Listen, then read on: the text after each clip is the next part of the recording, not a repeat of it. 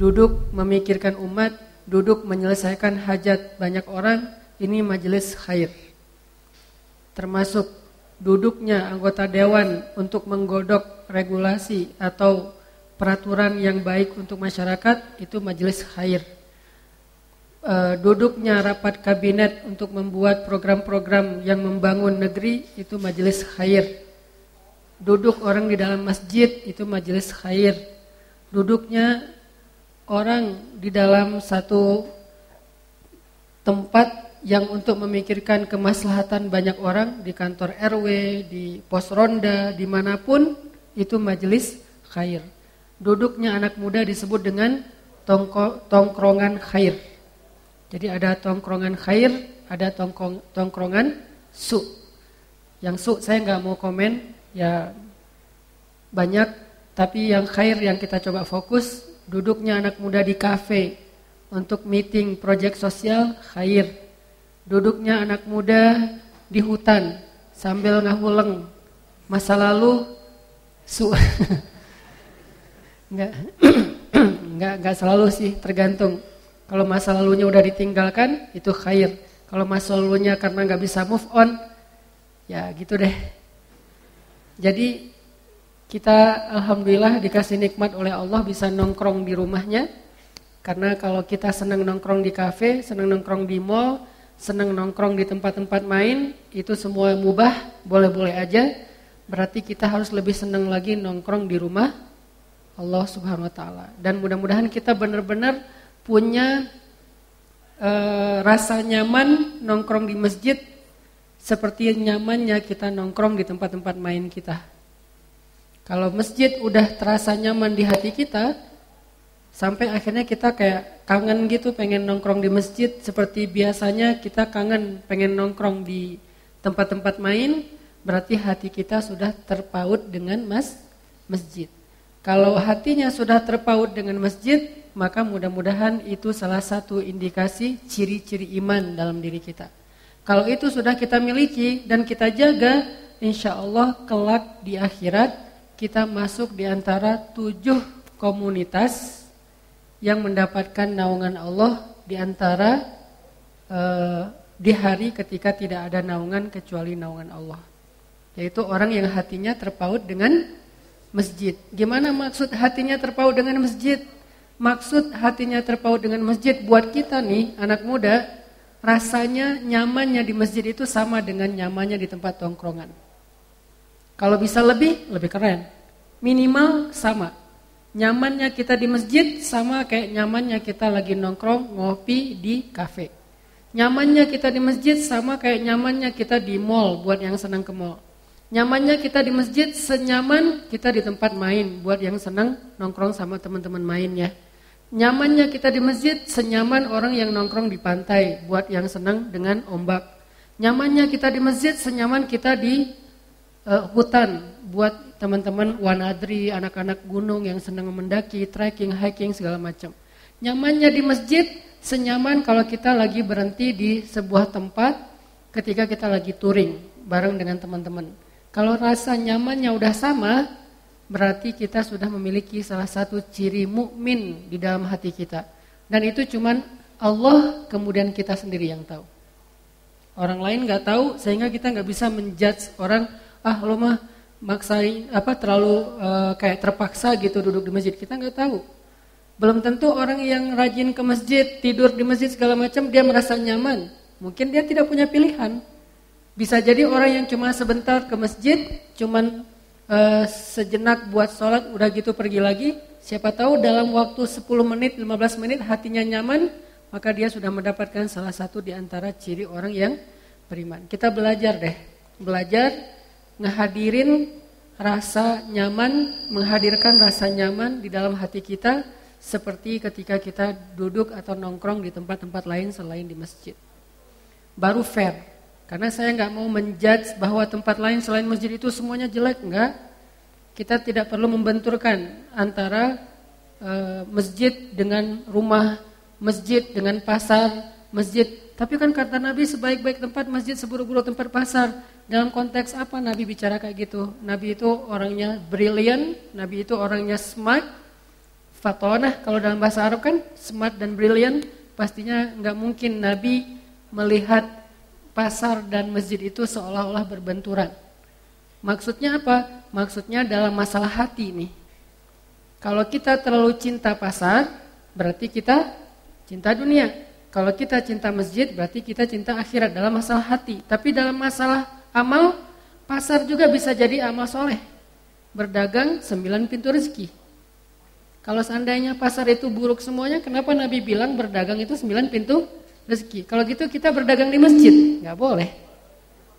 Katanya berdagang sembilan pintu rezeki itu ada dalam perdagangan.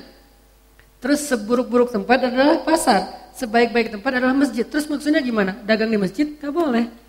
Nah berarti nggak mungkin dua teks, dua hadis ini berbenturan, bertolak belakang nggak mungkin, kontradiktif nggak mungkin.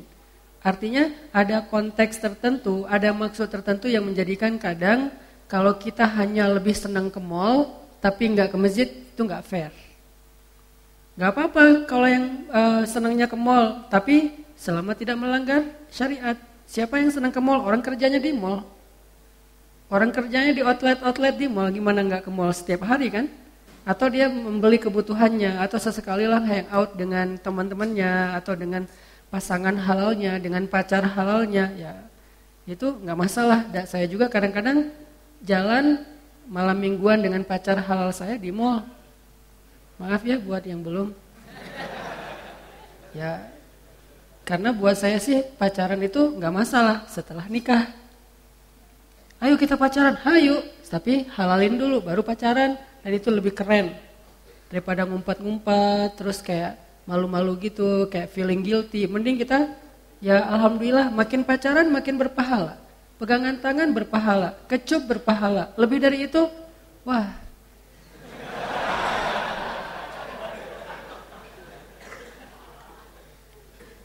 Saya lagi nggak mau ngebully. Cuman simpatik aja.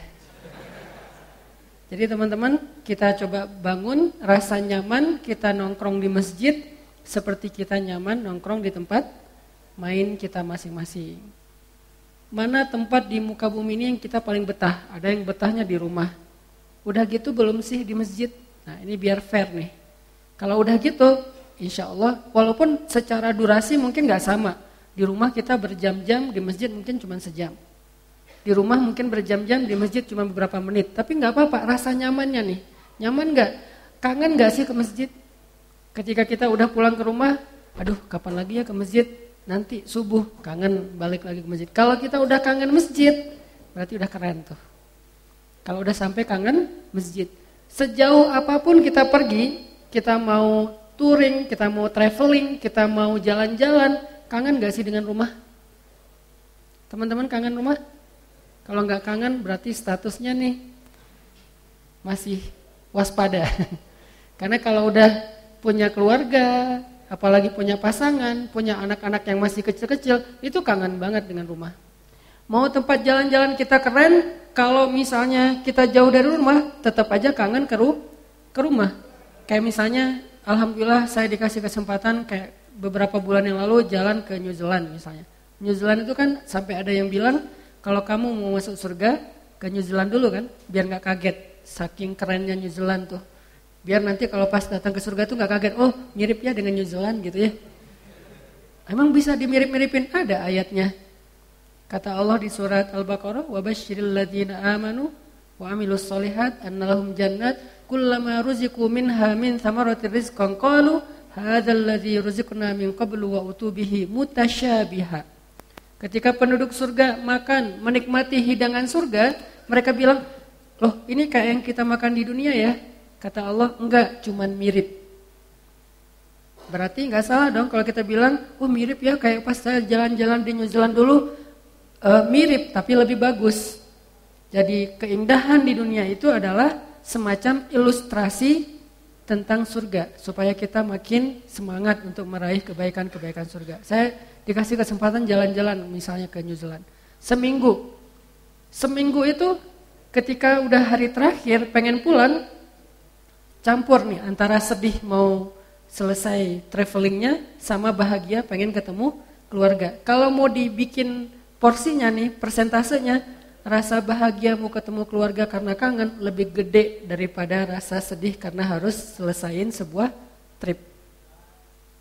Jadi sekeren apa pun New Zealand, Auckland, segala macam, sekeren apa pun Jepang, main snowboard di winternya Jepang, sekeren apa pun Turki, apalagi Turki, sampai ke Goreme, Kapadokia misalnya, main di cave gitu, ada cave hotel segala macam, tetap aja yang paling happy itu kalau udah hari terakhir pengen balik ke rumah. Berarti rumah kita walaupun sederhana, walaupun di desa, ngangenin kan? Bisa nggak kita rasanya kayak gitu ke masjid? Kita bisa have fun, kita bisa seru-seruan, kita bisa jalan ke mana aja. Ada yang gedung lebih megah daripada masjid kayak mall, kayak gedung apa misalnya. Tapi tetap aja kangennya mas, masjid. Nah ini nih berarti udah ada rasa nih. Kalau rasa ini udah muncul, berarti kita udah punya salah satu di antara ciri iman. Dan ini nggak bisa di, dibuat-buat teman-teman. Ini tuh natural banget. Ini tuh uh, sejati banget, hakiki banget, bukan dibikin, bukan sekedar pencitraan. Gak mungkin kan kita pencitraan kangen masjid. Aduh, lo kenapa kok uh, kayak sedih gitu? Gua kangen, kangen siapa? Kangen masjid, cie. Kan pencitraan ya, itu nggak bisa dibuat-buat. Aduh, nggak enak badan nih kenapa udah lama nggak ke masjid misalnya itu kan cuma lisan ya. Tapi kan kita bisa ngerasain sendiri. Kerasa nggak sih kangen itu di hati kita kayak kangen kita ke rumah setelah kita lama pergi? Teman-teman yang pernah umroh siapa yang nggak pengen umroh? Pas dapat kesempatan umroh apalagi gratis gitu ada yang hadiahin umroh kan bahagia banget tuh happy banget. Berangkat nih. Udah prepare segala macam bikin paspor apa. Terus berangkat. Sampai di sana, hari yang paling bahagia itu selain hari pertama hari apa? Hari terakhir. Hari pertama bahagia karena pertama kali kita ngelihat Ka'bah. Hari terakhir bahagia karena udah 10 hari kita nggak ketemu keluarga dan hari ini kita akan kembali pulang ke ke Indonesia. Itu happy banget pasti. Saya selalu perhatiin jamaah umroh tuh happy banget pas berangkat sama pas pulang. Kalau di sana standar lah ya. Tapi pas hari pulang pada nyiapin oleh-oleh, packing lagi kopernya, terus pada happy-happy foto-foto terakhir. Pas sampai di bandara Indonesia, bisa Jakarta, bisa Bandung, itu udah nggak kayak saling kenal lagi, udah hilang aja satu-satu. Sampai landing di Bandung, ngambil bagasi, usah saya duluan ya, usah saya duluan. Kayak udah nggak sabar lagi, pengen segera ketemu keluarga.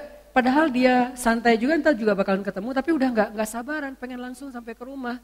Ini artinya rasa kangen terhadap keluarga, walaupun rumahnya mungkin sederhana, walaupun anggota keluarganya kecil, tapi ngangenin.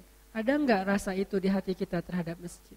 Walaupun jamaahnya sedikit, walaupun imamnya itu-itu aja, walaupun bacaan imam ya al-ikhlas lagi, al-ikhlas lagi, tapi ngangenin gitu. Kamu kangen apa? Kangen al-ikhlas si imam gitu. Kenapa? Karena masjid emang ngangenin, emang kita ke masjid itu kayak homey banget, ngerasa rumah kita yang lain selain rumah kita tempat tinggal adalah mas masjid. Ini kita bangun teman-teman. Coba kita introspeksi diri masing-masing, coba kita muhasabah, udah ada belum merasa itu di hati teman-teman? Dan jujur, nggak usah kasih tahu ke teman sebelahnya, nggak usah tahu kasih tahu ke siapa, apalagi posting.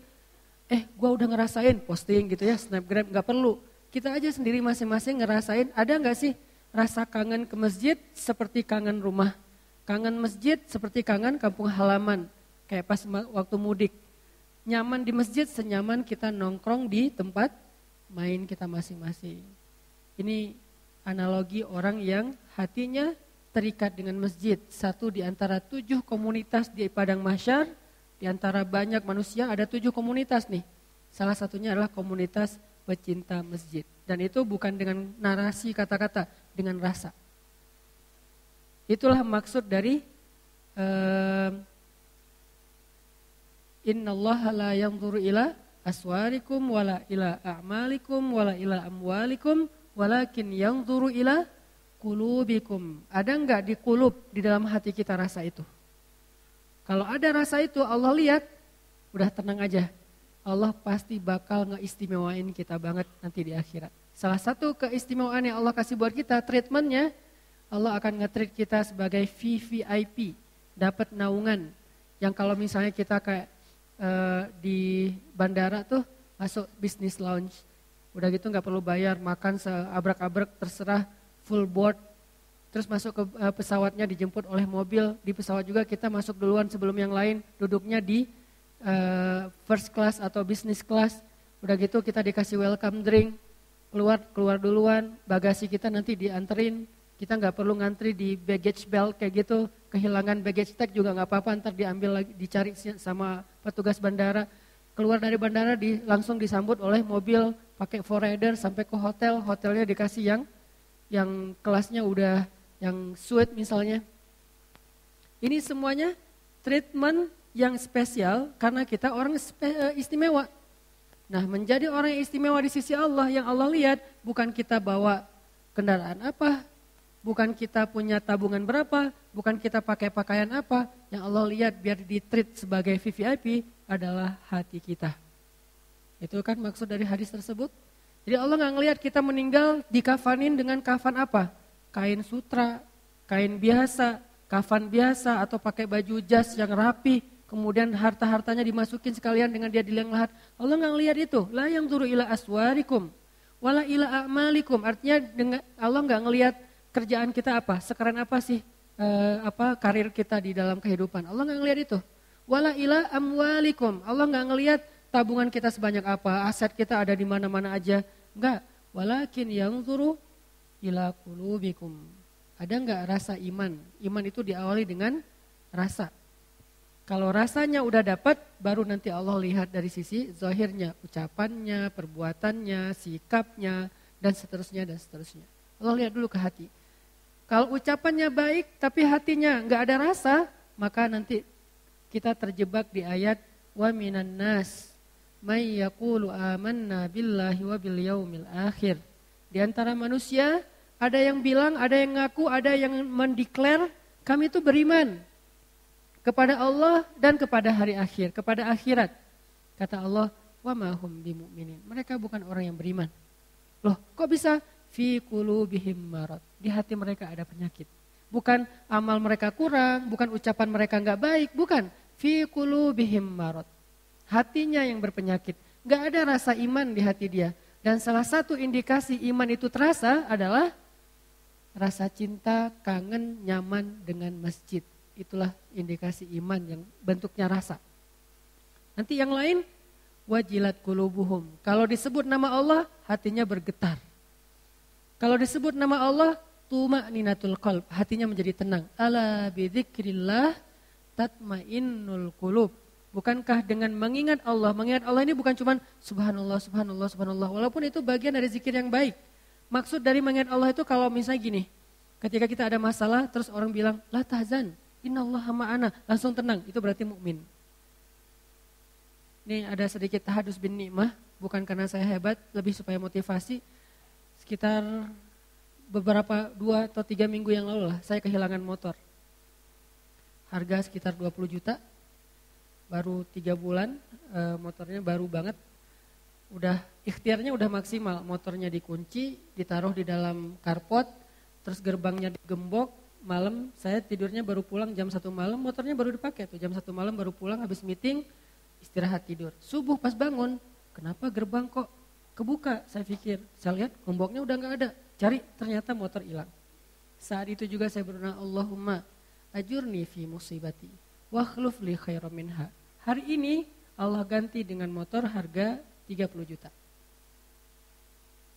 Benar-benar nggak sampai sebulan, minta aja sama Allah kan gampang hidup teh. Ikhtiar udah selesai, udah maksimal nih. E, setelah kehilangan saya cari, lapor ke polisi, bikin surat segala macam, udah beres. Walaupun surat kehilangannya belum keluar dari kepolisian karena katanya dalam seminggu aja ada 267 kasus. Wah rekor juga ya, luar biasa. Dalam seminggu 267 kasus. Kamu yang ke 267 kata polisinya. Berarti lebih banyak dari itu kan? Saya tuh yang ke 267.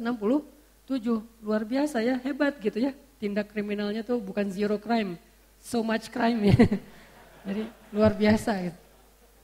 Kalau di beberapa negara tuh zero crime, jadi mereka bisa pride kami negara kami zero kan. Kalau kita tuh lot of crime lah. Jadi ya gitu deh. Tapi minta aja sama Allah mau gimana lagi. Udah nyari-nyari pagi-pagi langsung keliling-keliling siapa tahu ada yang nyasar ke tetangga atau mungkin dia lupa gimana gitu ya mau dimasukin ke rumah apa kelupaan nyari udah keliling nggak dapat minta sama pemiliknya Allahumma ajurni fi musibati wa khluf li khairam minha ganti yang lebih baik dari itu ternyata yang lebih baik dari itu dikasih yang harga 30 juta jalannya terserah Allah kurirnya terserah Allah yang jelas dapat mau dikasih project sehingga keuntungannya bisa beli motor baru, mau dikasih hadiah oleh teman karena baru ulang tahun misalnya, atau bisa lewat jalan apa aja, terserah Allah. Jalan mah Allah yang nentuin. Yang penting kita kan dapat kan? Dan itu real banget, benar-benar terjadi.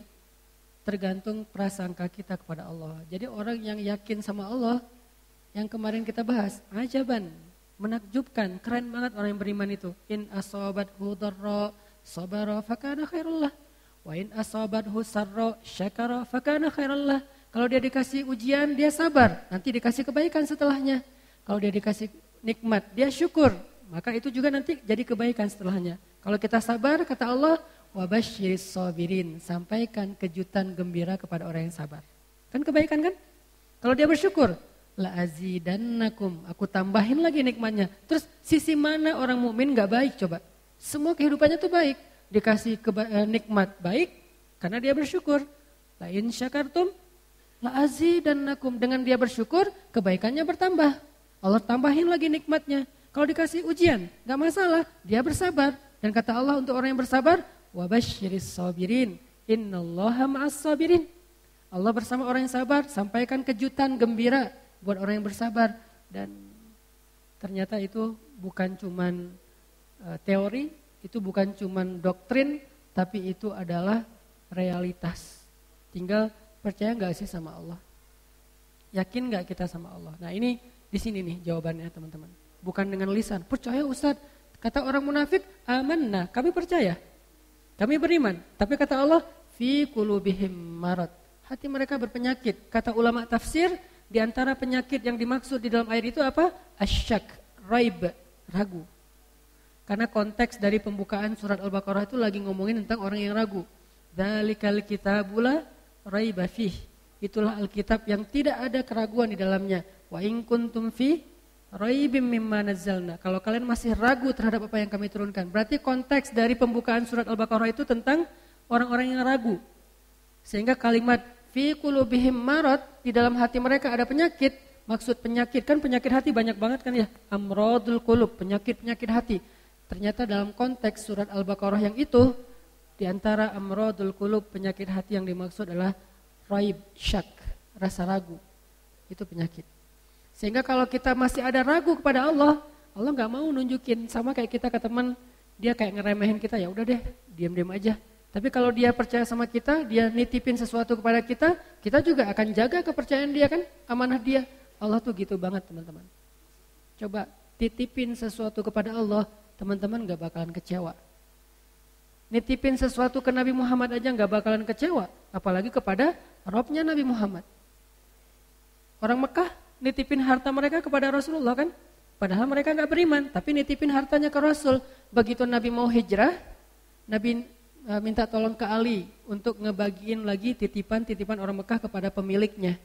Kenapa? Karena Nabi nggak mau ngecewain orang yang udah percaya kepada beliau. Nabi aja gitu, menjaga banget kepercayaan orang. Dan kita juga sering menemukan ada teman kita yang jaga banget kepercayaan kita. Saya pernah, saya punya beberapa orang teman yang dia tuh subhanallah amanah banget, al-amin dalam versi yang saya kenal. Amanah banget. Sampai dia pernah minjem dulu dia waktu saya masih di Kairo kan kita satu kos-kosan ya. Dia tuh pernah minjem buku. Buku cuma satu jilid doang dan harganya murah lah kalau di kita mungkin sekitar 50 ribu. Yang udah berapa tahun berarti sekarang? Udah 15 tahun yang lalu lah ya. Udah 15 karena dia minjamnya 2003 sekarang 2018 udah 15 tahun yang lalu kemarin dia WA eh buku kamu tuh masih ada di saya. Saya kirim ke Bandung ya. Saya kemarin baru nemu lagi pas buka-buka uh, lagi buku-buku lama dia di dalam kotak ini buku kamu nih masih ada nama kamu saya kirimnya ke Bandung, masih kejaga sama dia. Manusia bisa kayak gitu. Atau nggak usah orang beriman deh. Orang yang tidak beriman, pergilah ke Singapura, pergilah ke Jepang, pergilah sampai di Jepang itu ada kasus pas teman-teman cerita di sana tuh ada sepeda kesenggol Akhirnya kayak lecet dikit kan. Langsung orang nitip duit, digantung di sepeda pakai surat, maaf ya saya nggak sengaja nyenggol sepeda kamu jadi lecet, ini saya ganti. Kalau kurang telepon aja ke nomor ini nanti saya tambahin. Sebegitu amanahnya orang, padahal dia nggak beriman.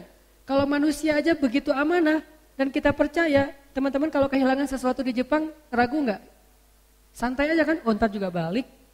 Kehilangan sesuatu di Amerika, karena ada beberapa teman-teman yang pernah ke Amerika katanya di Amerika itu kalau kita mogok di jalan, di tol, itu setiap orang nanya, bisa saya bantu, ada yang bisa saya bantu, nanya, nanya, nanya. Jadi masyarakatnya itu udah keren, walaupun pemerintahnya berbeda dengan kita ya, tapi kalau masyarakatnya moralnya itu udah bagus, attitude-nya itu udah udah udah sopan gitu. Nah eh, di New Zealand juga kayak gitu, sampai kalau ada orang yang cacat melamar kerja di sebuah perusahaan, maka peraturan pemerintah perusahaan itu wajib menerima dia untuk kerja di sana. Apa pun yang tugasnya pokoknya harus diterima. Kalau sampai dinolak, itu perusahaan diskor sama pemerintah. Manusia aja nggak beriman sebegitu ama amanah.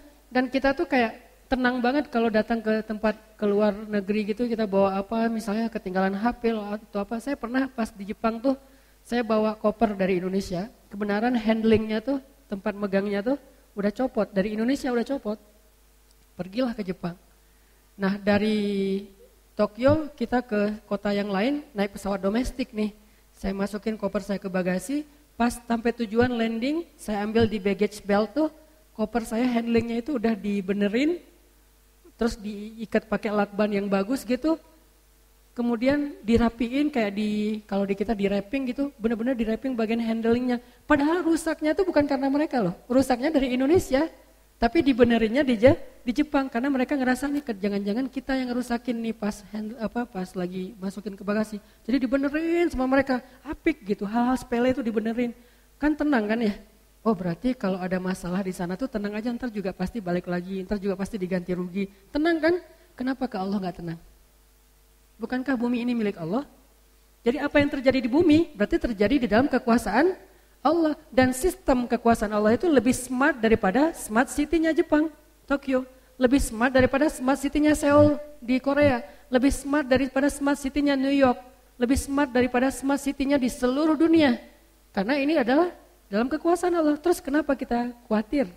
Kalau di smart city aja kita nggak khawatir kehilangan, nggak khawatir kesasar, karena kalau nanya ke siapa aja atau sistem kotanya itu udah udah bagus banget sehingga kita nggak akan bingung ke mana-mana Kenapa kita merasa khawatir dan merasa takut bingung di dalam smart city-nya Allah dalam tanda petik? Bukankah sistem Allah lebih dahsyat? Tabarakalladzi biyadihil mulk wa huwa ala kulli syai'in qadir. Jadi kalau kita nggak khawatir kehilangan sesuatu di sebuah smart city, harusnya biar fair nih. Kita nggak perlu khawatir juga kehilangan sesuatu di dalam buminya Allah Subhanahu wa taala. Karena sistemnya Allah lebih smart city daripada sistem smart city-nya manusia. manusia. Masalah belief aja nih, masalah yakin, masalah keep the faith. Masalah kita trust nggak sama Allah SWT. Kalau kita nggak trust sama Allah, berarti kita tuh nggak punya akad apa-apa dengan Allah. Maka sistem itu nggak berlaku untuk kita. Kalau kita trust sama Allah, kita husnuzon sama Allah, berarti kita punya akad dengan Allah, kayak garansi gitu, kayak asuransi. Sehingga apa pun yang terjadi pasti bakalan diganti rugi sama Allah. Dan Allah itu kerennya tuh ganti ruginya berkali lipat. Kalau manusia ganti ruginya mungkin sama ya. Kalau Allah ganti ruginya berkali lipat. Kayak saya pernah bawa jamaah umroh, kan setiap jamaah umroh itu kayak ada asuransi kesehatan dari pemerintah Arab Saudi. Kebenaran kemarin tuh salah satu jamaah umroh saya sakit, jatuh di eskalator. Nenek-nenek sih. Habis makan siang, Terus beliau mau naik ke hotel di Madinah, jatuh di eskalator. Jadi ini agak kayak sobek gitu, berdarah, kita bawa ke rumah sakit. Ternyata beliau bukan hanya jatuh tapi juga drop. Drop banget bawa ke rumah sakit, itu ditanganin sama dokter-dokter spesialis di rumah sakit itu cepat banget. Ditanya mau tamirin umroh, ya, ya udah masuk, masuk langsung. Dan mereka nggak nggak nggak ribet, birokrasinya tuh nggak ribet.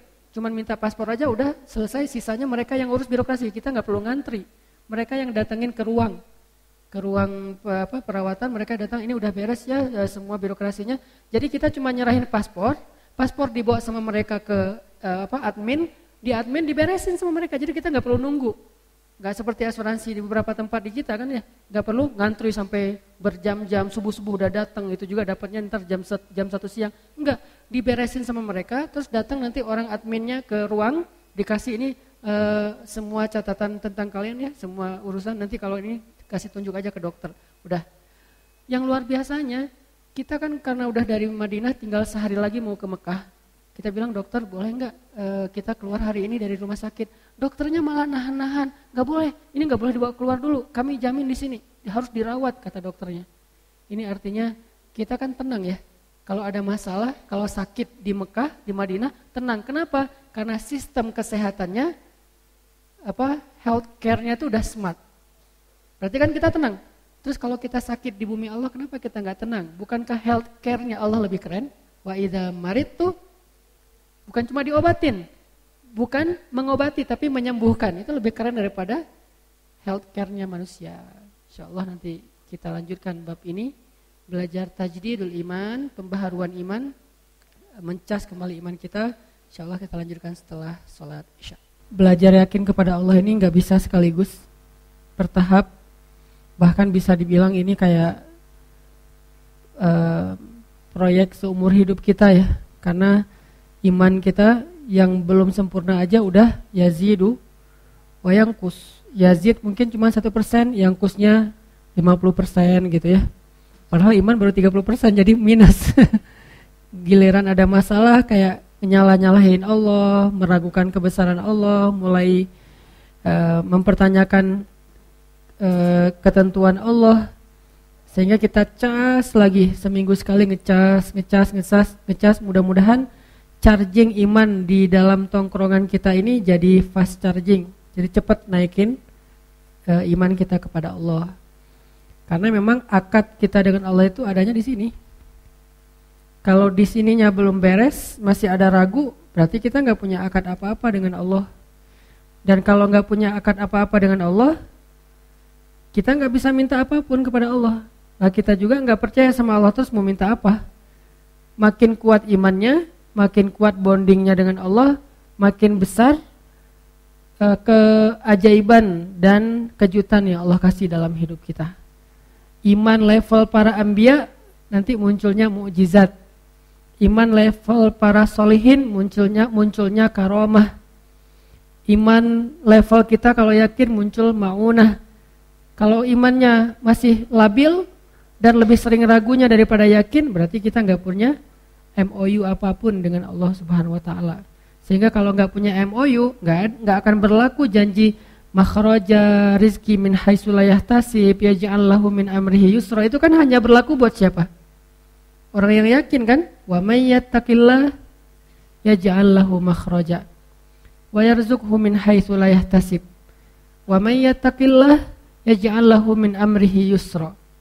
Wa may yattaqillah yukaffir anhu sayyi'atihi wa yu'zim lahu ajra. Jadi cuman kalau kita takwa kepada Allah dan salah satu di antara makna takwa iman.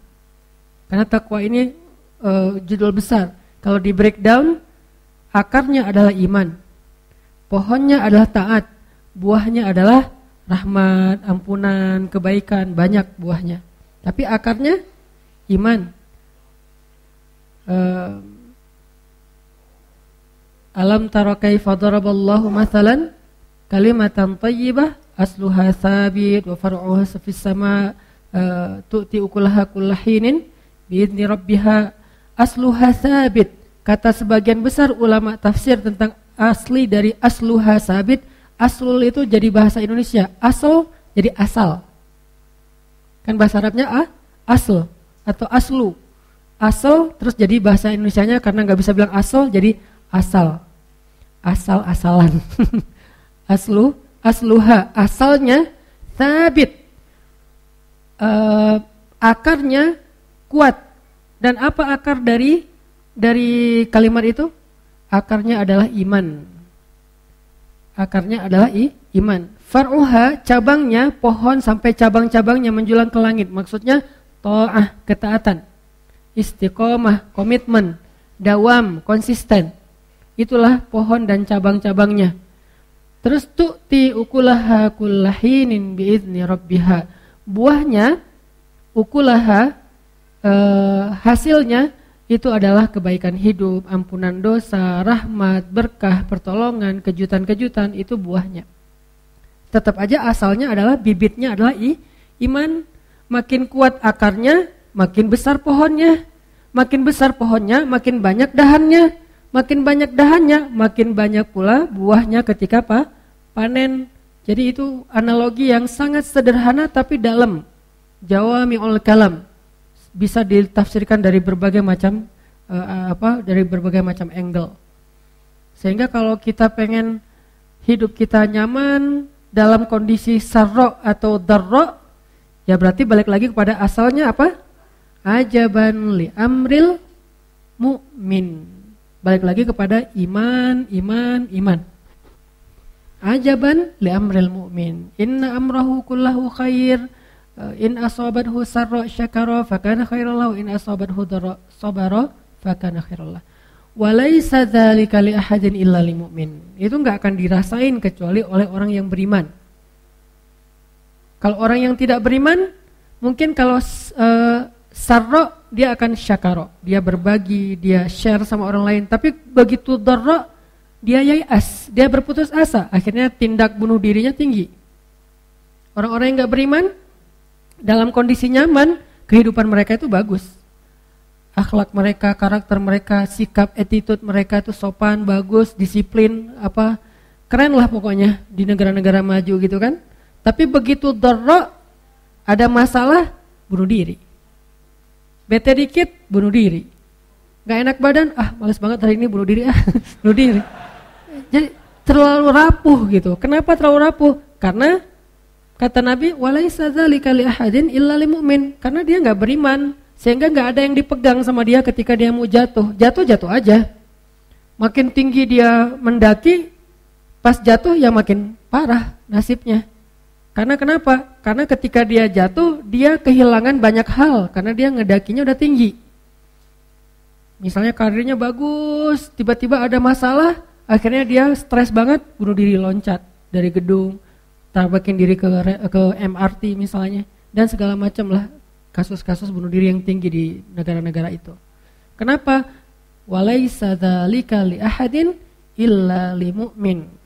Kalau kita juga kayak gitu, walaupun kita ngakunya orang mukmin, wa ma hum bimu'minin fi qulubihim marad. Ada masalah di hati mereka. Masalah apa? Raib, keraguan. Masalah apa? Syak. Gak yakin sama Allah Subhanahu wa taala. Atau masalah apa? Adzannina billahi dhanna berburuk sangka kepada Allah Subhanahu wa taala. Nauzubillah min dzalik. Sehingga kita cas lagi, kita cas lagi iman. Dan dengan analogi-analogi yang tadi saya sebutin. Di antara analoginya misalnya kalau kita datang ke sebuah smart city, kita merasa nyaman. Satu, nggak khawatir kesasar. Kenapa kalau di smart planet kita nggak merasa nyaman? Bukankah bumi ini smart planet? dibandingkan dengan planet-planet yang lain. Kenapa? Karena Allah sudah membuat sistem di bumi ini udah paling smart, udah ketimbang dengan planet yang lain. Kalau misalnya kita diberikan kesempatan tinggal di planet yang lain, kita bakalan lebih effortnya tuh habis-habisan. Mungkin nggak akan survive. Kenapa? Karena bukan smart planet. Bumi ini smart planet satu-satunya mungkin di jagat raya yang luar yang luar biasa besarnya ini. Dan Allah tempatkan kita di sebuah smart planet yang udah disediakan segala macam sistemnya tuh udah keren banget. Semuanya jadi mudah buat kita, kan mudah banget kan?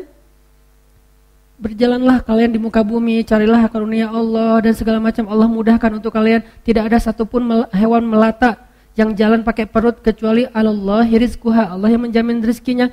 Berarti kan sistem kehidupan di planet kita itu udah paling smart. Kalau di smart city aja yang dibikin sistemnya oleh manusia kita tenang, kenapa? Karena udah smart, nggak mungkin kesasar dong. Petunjuknya tuh kadang-kadang kita bisa, kalau kita pakai SIM internasional, kita bisa nyetir tanpa merasa khawatir kesasar. Karena petunjuk arah lalu lintasnya tuh udah udah jelas banget. Nyetir aja sendiri di luar negeri. Yang penting SIM-nya SIM internasional. Misalnya di beberapa negara yang masih menggunakan SIM internasional. Jalan, kenapa kok nggak khawatir kesasar? Pertama udah ada smartphone. Kedua tinggalnya di smart city Ketiga, orang yang ada di sana semuanya smart citizen. Yang kalau kita nanya, mereka ngejelasin dengan baik, dengan senyum, dengan ramah, humble. Smartphone, smart city, smart citizen. Smart car lagi kadang. Di situ udah ada nggak usah pakai smartphone kalau habis baterai udah ada di situ juga Google Map-nya. Dan mobilnya juga udah disetting nggak boleh lebih dari 80 km per jam. Kalau kecepatan dia pasti akan stabil sendiri. Udah smart semuanya kan nyaman ya. Jalan ke mana-mana, makan segala macam, udah ada petunjuknya. Allah menempatkan kita di smart planet dengan bahasa apa? Alam yajidka yatiman fa'awah wa wajadaka dhallan fahada wa wajadaka ailan fa'aghna. Bukankah Allah mendapatimu dalam keadaan sendiri? Sendiri ini jangan selalu diterjemahin. Itu ya. Sendiri di sini artinya nggak punya teman atau mungkin nggak punya kenalan. Alam yajidaka yatiman sendiri banget. Fa'awah Allah datangkan keluarga dan keluarga di sini bukan cuma status tapi dengan ikatan kasih sayangnya, tiba-tiba ada seseorang yang paling mencintai kita lebih daripada dirinya. Siapa? Ibu. Allah utus ibu untuk kita. Allah utus ayah untuk kita. Allah utus keluarga untuk kita. Allah utus pasangan untuk kita. Bertahap. Pertama ibu dulu. Kemudian ayah. Kemudian sahabat. Sahabat dari geng SD atau TK, SD, SMP, SMA. Kan itu geng kita banget tuh yang sama kita tuh udah akrab banget, baik banget, setia banget. Kadang-kadang ribut sedikit tapi kesetiaannya luar biasa. Kadang-kadang mereka berkorban untuk kita. Fa'awa dan nanti lebih keren lagi dikasih pasangan halal. Fa'awa.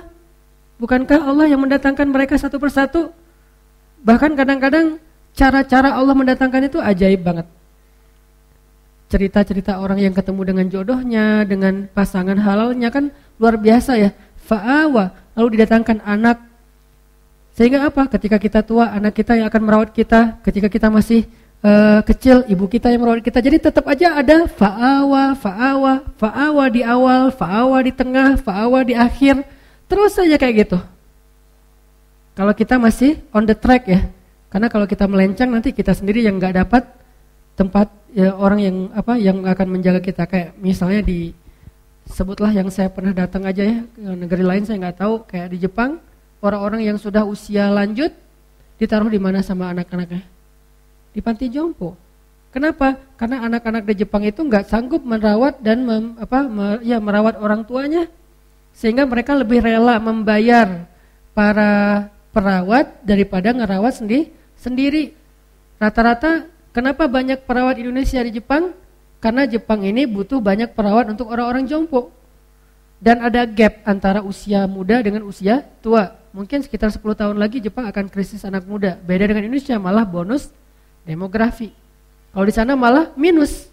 Sehingga banyak dari Indonesia yang dibawa ke Jepang untuk jadi perawat buat panti jompo salah satunya. Kenapa? Orang Jepang nggak punya kemampuan merawat orang tuanya dan emang bukan mungkin udah hilang moral itu ya. Jadi nggak beban lagi, nggak ngerasa malu kalau orang tuanya ditaruh di panti jompo. Kalau di kita kan masih ada beban moral ya. Naruh orang tua di panti jompo kayak aib. Wah, gak ngerawat orang tua. Anak yang durhaka kan gitu kan?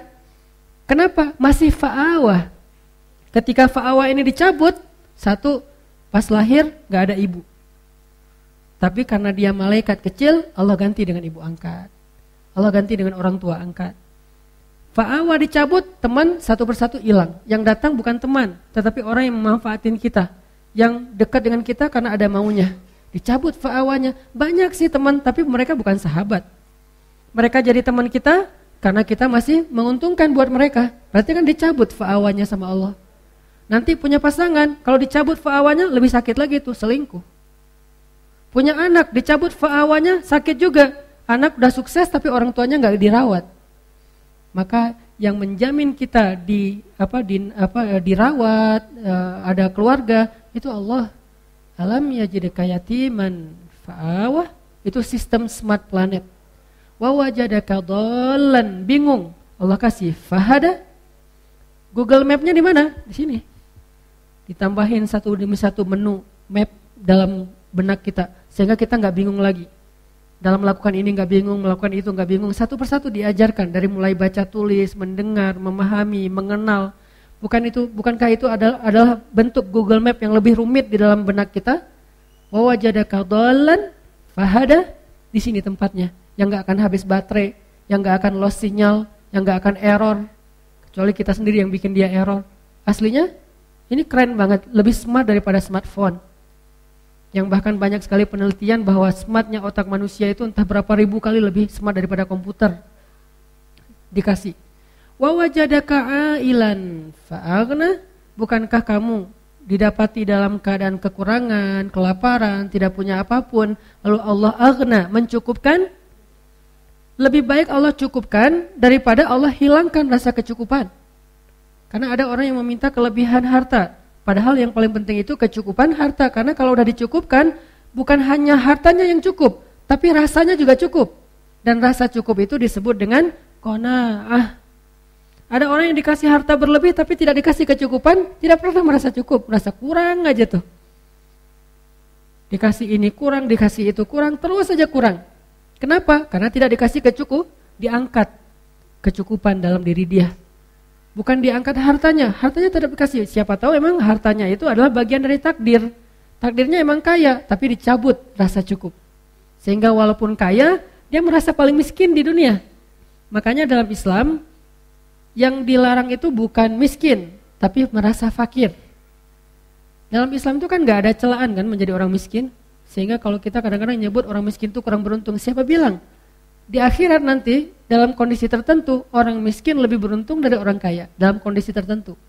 Di mana hisap mereka lebih ringan, masuk surganya 500 tahun lebih dulu duluan. Tapi kalau orang kayanya jawat, karim, dermawan, mungkin surganya lebih luas daripada orang miskin. Ini kan amal ya. Famaya amal mithqala dzarratin khairan yara dan seterusnya. Artinya dalam Islam miskin itu enggak tercela, miskin itu enggak rugi. Yang rugi dan tercela itu fakir. Makanya kita keliru dalam menerjemahkan miskin lebih dekat kepada kekufuran. Enggak, enggak kayak gitu kalimat hadisnya. Kadal fakru ayyakuna kufra. Hampir-hampir sering kali kadang-kadang orang fakir ini dekat dengan kekufuran. Fakir ya, bukan miskin. Kalau miskin, Nabi berdoa jadi minta jadi orang miskin. Ya Allah, jadikan saya hidup sebagai orang miskin, matikan sebagai orang miskin, bangkitkan bersama orang miskin. Nabi dekat dengan orang-orang miskin. Bahkan Nabi pernah duduk di antara geng orang miskin, terus mereka lagi makan kodit, roti kering, yang kalau mau dimakan harus dicelupin ke air. Nabi bilang, saya anak perempuan yang biasa makan kodit, berarti saya juga orang miskin sama kayak kalian, biasa aja kali, nggak usah terlalu uh, sungkan gitu. Akhirnya mereka pada, oh ya udah Nabi juga sama kayak kita. Yang dilarang itu fakir, karena doanya apa? Wa a'udzubika minal fakir. Aku berlindung kepadamu dari fakir. Apa fakir? Selalu ngerasa kurang. Dicabut fa'aghna, disabut dicabut rasa cukup dalam hatinya. Dan bisa jadi orang fakir itu orang yang berlimpah harta. Bukan orang miskin, tapi orang kaya, tapi dia fa fakir. Fa'aghnanya dicabut. Sehingga dia selalu ngelihat orang yang lebih dari dia dalam urusan materi, dalam urusan dunia, dalam urusan harta. Sehingga akhirnya dia selalu merasa kayak kurang biasa aja. Mobilnya udah harga 500 juta, ngelihatnya yang 1,1 M. Dikasih 1 M, ngelihatnya yang harga 3 M. Dikasih 3 M, ngelihat yang punya pesawat pribadi yang harganya ratusan M. Udah punya pesawat, ngelihat yang punya kapal pesiar pribadi yang harganya sekian triliun. Nggak akan pernah selesai kalau kayak gitu. Dia jadi pengusaha. Pengusaha misalnya dia udah kayak punya beberapa produk gitu. Ngelihat orang lain yang usahanya lebih gede dari dia, yang bikin perumahan. Udah bikin perumahan, ngelihat orang lain yang bikin tol. Udah bikin tol, ngelihat orang lain bikin uh, apa? bandara. Udah bikin bandara, ngelihat orang lain punya pulau. Kapan selesainya? Ini dicabut agna. Rasa cu, cukup.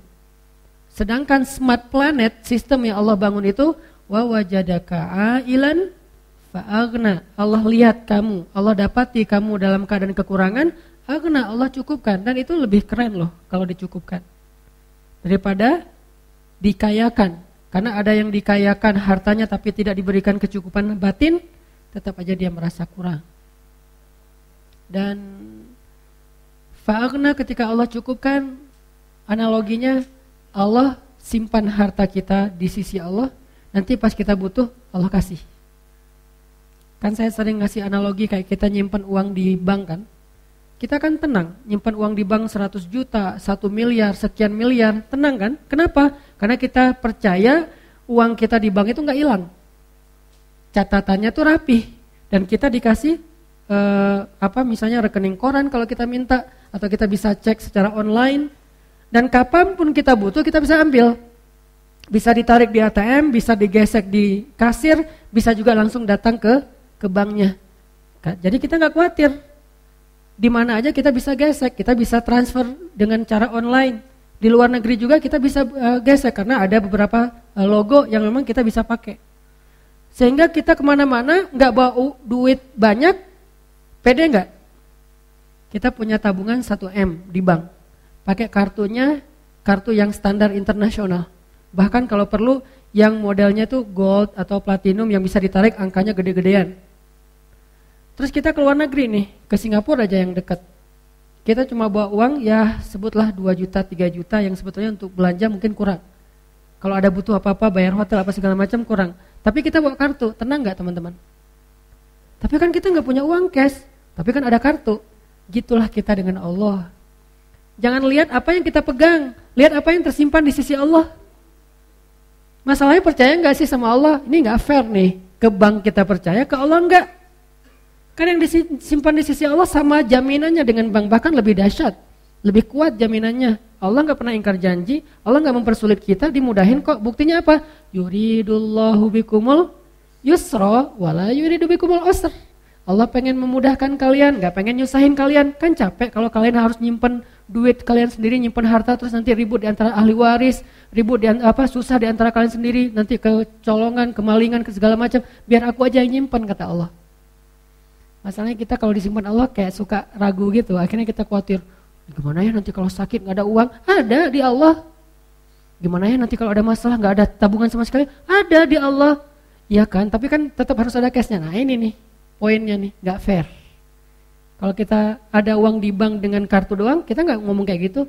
Gimana ya keluar negeri nggak bawa uang sama sekali kan ada kartu. Oh ya udah, ya aman lah kalau kayak gitu, tinggal digesek. Kok ke bank bisa gitu, ke Allah nggak bisa gitu? Nggak fair. Kalau nggak fair itu bukti bahwa iman kita tuh nggak sebetulnya tuh nggak nggak kuat. Kalau kayak gitu ya gimana kita mau dapat apa uh, surprise dan miracle dari Allah? Jadi eh, nggak uh, apa-apa kita nggak pegang banyak, tapi begitu butuh tinggal gesek. Geseknya gimana? Tinggal gini doang. Lebih gampang daripada kita ke ATM, belum lagi nanti ternyata di ATM itu cuma bisa uh, uh, transfer, nggak bisa narik karena habis duitnya. Belum lagi ATM-nya ada yang error. Kalau ini pernah error, eh jangan berdoa sekarang kenapa? Doa lagi error. Nggak ada kan? Nggak ada waktu yang error dalam berdoa, setiap saat kita bisa berdoa dengan mudahnya. Yuridullahu bikumul yusra. Allah tuh pengen mudahin kalian, nggak pengen nyusahin kalian. Karena kalau kalian pegang harta yang banyak banget, kalian susah.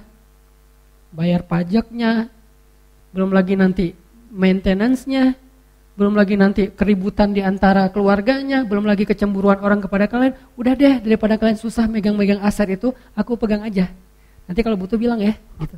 Kan gitu kan akadnya. Kalau butuh bilang, wa may yattaqillah yaj'al lahu makhraja wa yarzuqhu min haitsu la yahtasib wa may yattaqillah yaj'al lahu min amrihi yusra. Kan gitu sederhana. Tinggal gini doang. Cara gesek ATM kita ke Allah tuh gini doang. Dan kata Nabi dalam hadis kursi, aku malu kalau hambaku mengangkat kedua tangannya meminta kebaikan lalu nggak memberi. Allah malu, nggak mungkin nggak dikasih, pasti dikasih. Cuman cara Allah ngasih tiga model. Kadang dikasih persis kayak yang kita minta, kadang dikasih lebih banyak, lebih baik dari yang kita minta, kadang dikasihnya dengan model yang lain yang sama dengan nilai yang kita minta. Kayak misalnya kita punya kartu ATM, belanja nih di di luar negeri, kita gesek. Bisa kita gesek dan akan keluar angka sesuai dengan yang kita sebut. Bisa juga, Pak, ini ada bonus. Bisa gitu kan? Begitu kita mau bayar sesuatu kan suka gitu tuh, ada bonus dari banknya. Begitu, Pak, ini ada bonus mau dipakai enggak? Ada poin. Sehingga yang tadinya harganya 1 juta, gara-gara poin jadinya 750 ribu, poin 250 ribu. Mau dipakai enggak? Kan suka gitu ya, bisa aja gitu. Bisa persis, bisa ditambah dengan bonus. Bisa juga diganti dengan yang lain. Pak, uh, selain dapat bonus ini, Bapak nanti dapat merchandise, dapat hadiah apa misalnya. Ternyata Bapak dapat mobil, dapat apa. Kan gitu cara Allah. Yang pasti bisa banget. Dan Allah kalau transaksi dengan Allah itu jauh lebih banyak untungnya daripada dengan makhluk. Karena Allah ghaniyun, maha kaya nggak akan kekurangan harta Allah. Sehingga tinggal gini doang. Masalahnya kita nggak terlalu yakin dengan ini, lebih yakin dengan ini. Kalau bawa kartu yang bisa diginiin kita pede. Kalau bisa kalau gini kita nggak pede. Ini masalah iman. Kenapa kita nggak pede dengan ini? Emangnya Allah nggak ada? Ada. Tapi kenapa nggak percaya? Ya gitu deh. Nah ini nih jawabannya nih. Istafti kolbak. Tanya ke hati kalian masing-masing kata Nabi. Istafti kolbak. Tanya ke hati masing-masing. Akadnya tuh di sini. Kalau kita pede kayak gini, sama dengan pedenya gini, iman. Lihat nanti keajaiban banyak banget dalam hidup kita. Tapi kalau yang kayak gininya agak ragu-ragu, ya sih, tapi kan butuh gini juga. Enggak, enggak, enggak. Gini, ada gini, enggak ada gini, terserah deh. Yang penting gini nih, cara biar tabungan kita banyak di sisi Allah, beramal soleh aja terus. Kadang di langsung di cashin dibayar sama Allah, kadang nanti ditabung dulu sama Allah. Saya udah beramal Ustaz, tapi nggak ada buktinya. Lagi ditabung sama Allah, kamu nggak butuh sekarang soalnya. Nanti pas butuh, tinggal gini, Allah kasih. Tapi kan Allah nggak secepat itu kasihnya. Siapa bilang? Manusia aja bisa instan, masa Allah nggak bisa? Jangan sampai kita menganggap manusia bisa lebih dari Allah. Ini bukan teori rububiyah, uluhiyah, asma dan sifat. Ini praktek langsung ke dalam hati kita. Daripada kita hanya terjebak dalam teori, hafal semua teori rububiyah, hafal semua teori uluhiyah, tapi begitu dikasih pilihan hidup, bingung, ragu. Mana rububiyahnya? Saya tidak mengangkat dari sisi angle rububiyah karena itu materi kuliah, materi kampus, materi calon ulama. Ini angle praktis praktis aja deh buat kita dalam praktek kehidupan sehari-hari. Bisa enggak kita yakin dengan ini, saya yakin ini. Kalau bisa lebih dari itu lebih keren lagi. Mungkin bertahap nggak langsung bisa lebih deh, minimal fair sama. Aduh lupa bawa dompet. Aduh hari ini belum uh, sholat sunnah misalnya. Jadi kayak nggak nggak ada modal gitu Coba kalau hari ini kita terus kita ngeluarin uh, harta kita visabilillah semudah kita investasi yang kita percaya banget dengan korporatnya dengan apa eh, perusahaannya. Kalau kita bikin kerjasama dengan manusia, biasanya bagi hasilnya berapa? Sebutlah 60-40 ya. Kita kerjasama, kita dapat 60% dari hasil. Atau yang modalnya konvensional, kita dapat paling tinggi jarang lah gitu, 5% dari mau modal itu tuh jarang banget. Rata-rata ya 1, sekian persen atau 2 persen bahkan kurang dari satu persen. Deposito lah misalnya.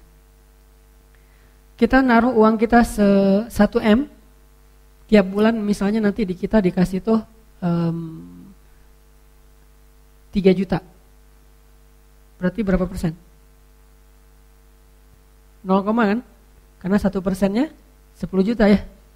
Berarti 0, sekian. Nggak nggak sampai satu persen kita percaya.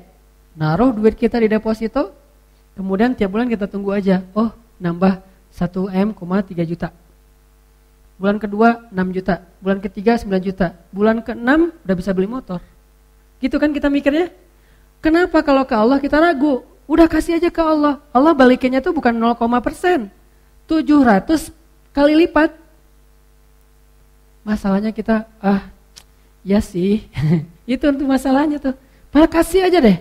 Ntar Allah ganti. Enggak, buktinya enggak se 700 kali lipat karena disimpan. Coba kalau dikasih 700 kali lipat blek cash, kita kewalahan nyimpannya. Ntar kita susah sendiri. Kan Allah bilang, yuridullahu bikumul yusra. Allah pengen mudahin kalian. Jadi dikasih, tapi disimpan sama Allah. Kamu nggak percaya sama saya? Kan gitu kan pertanyaan Allah harusnya kan ya?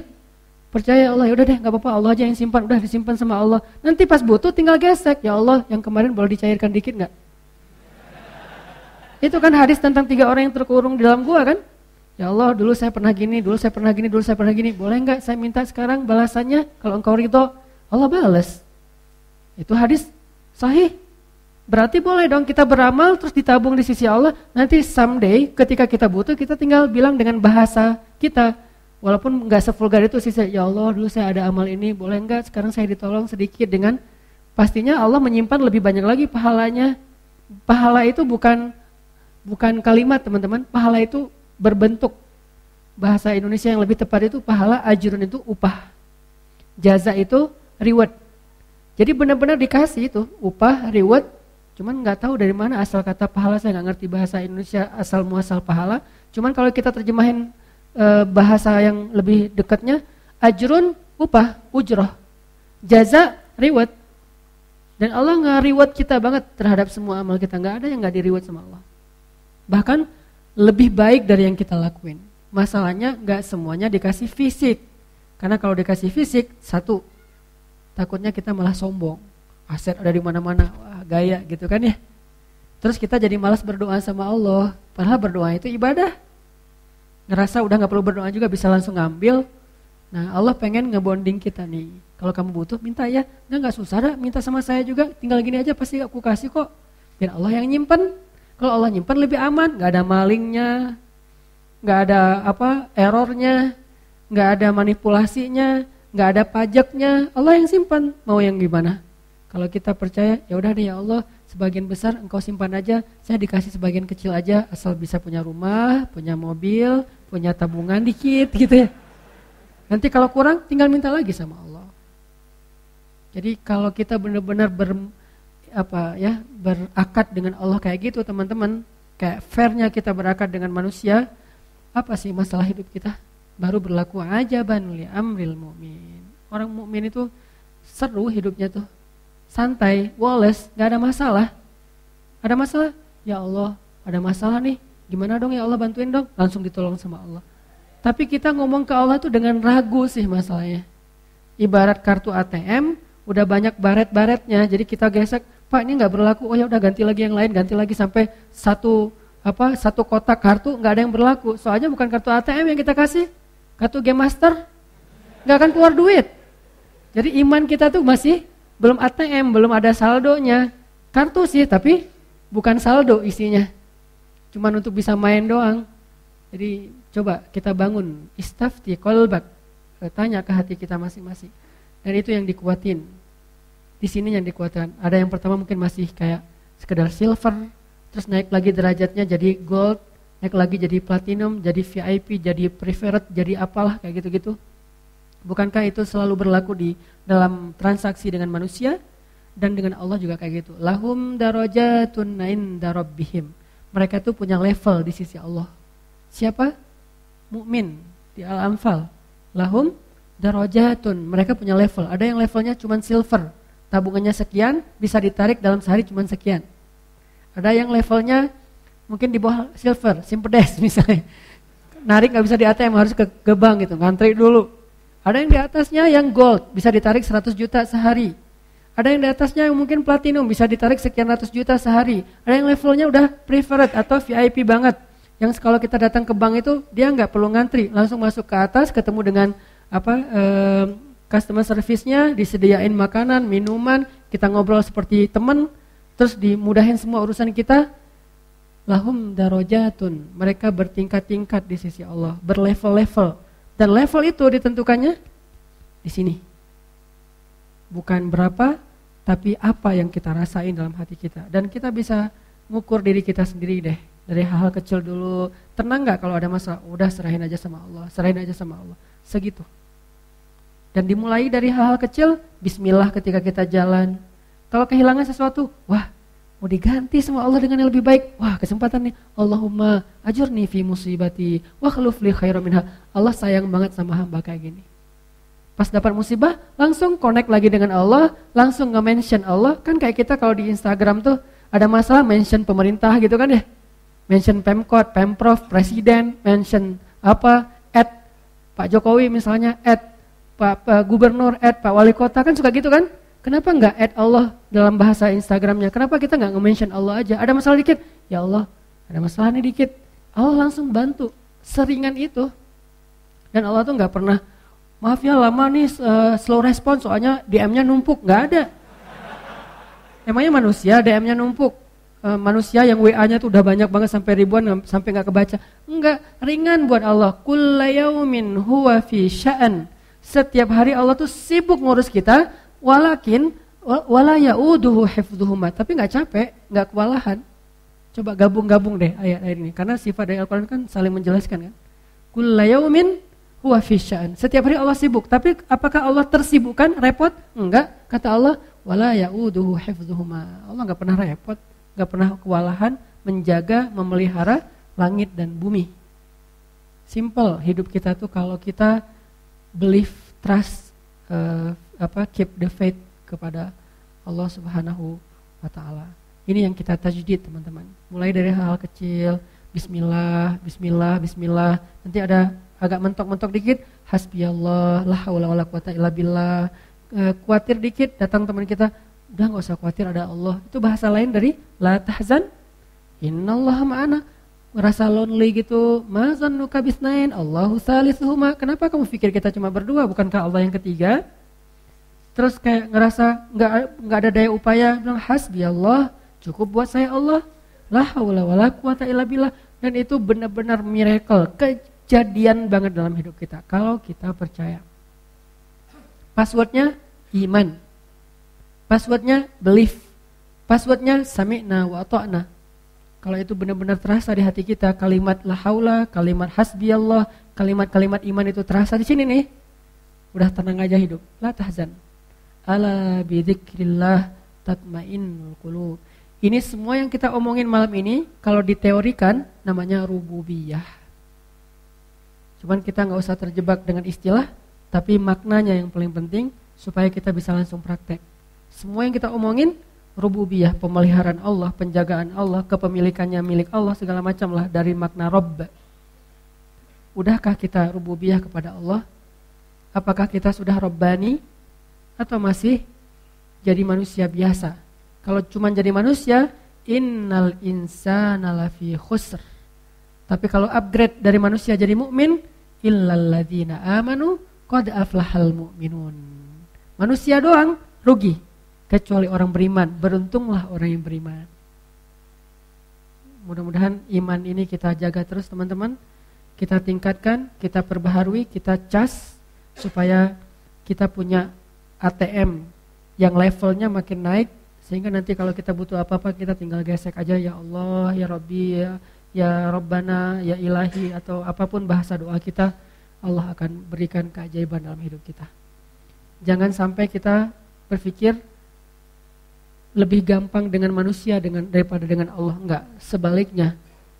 Kalau kita punya kemudahan dalam urusan dengan manusia, itu karena Allah mudahkan. Karena Allah lembutkan hati orang itu. Karena Allah ikat hati orang itu dengan kita. Kalau enggak juga susah. Ada orang yang enggak kenal siapa-siapa, tiba-tiba ditolong oleh siapa-siapa, karena Allah yang mendatangkan orang-orang itu kepada dia. Itu kejadiannya banyak, kita pernah pengalaman kayak gitu, teman-teman kita pernah share pengalamannya tentang itu. Harusnya itu jadi tajdidul iman, cas iman buat kita supaya semakin yakin kepada Allah.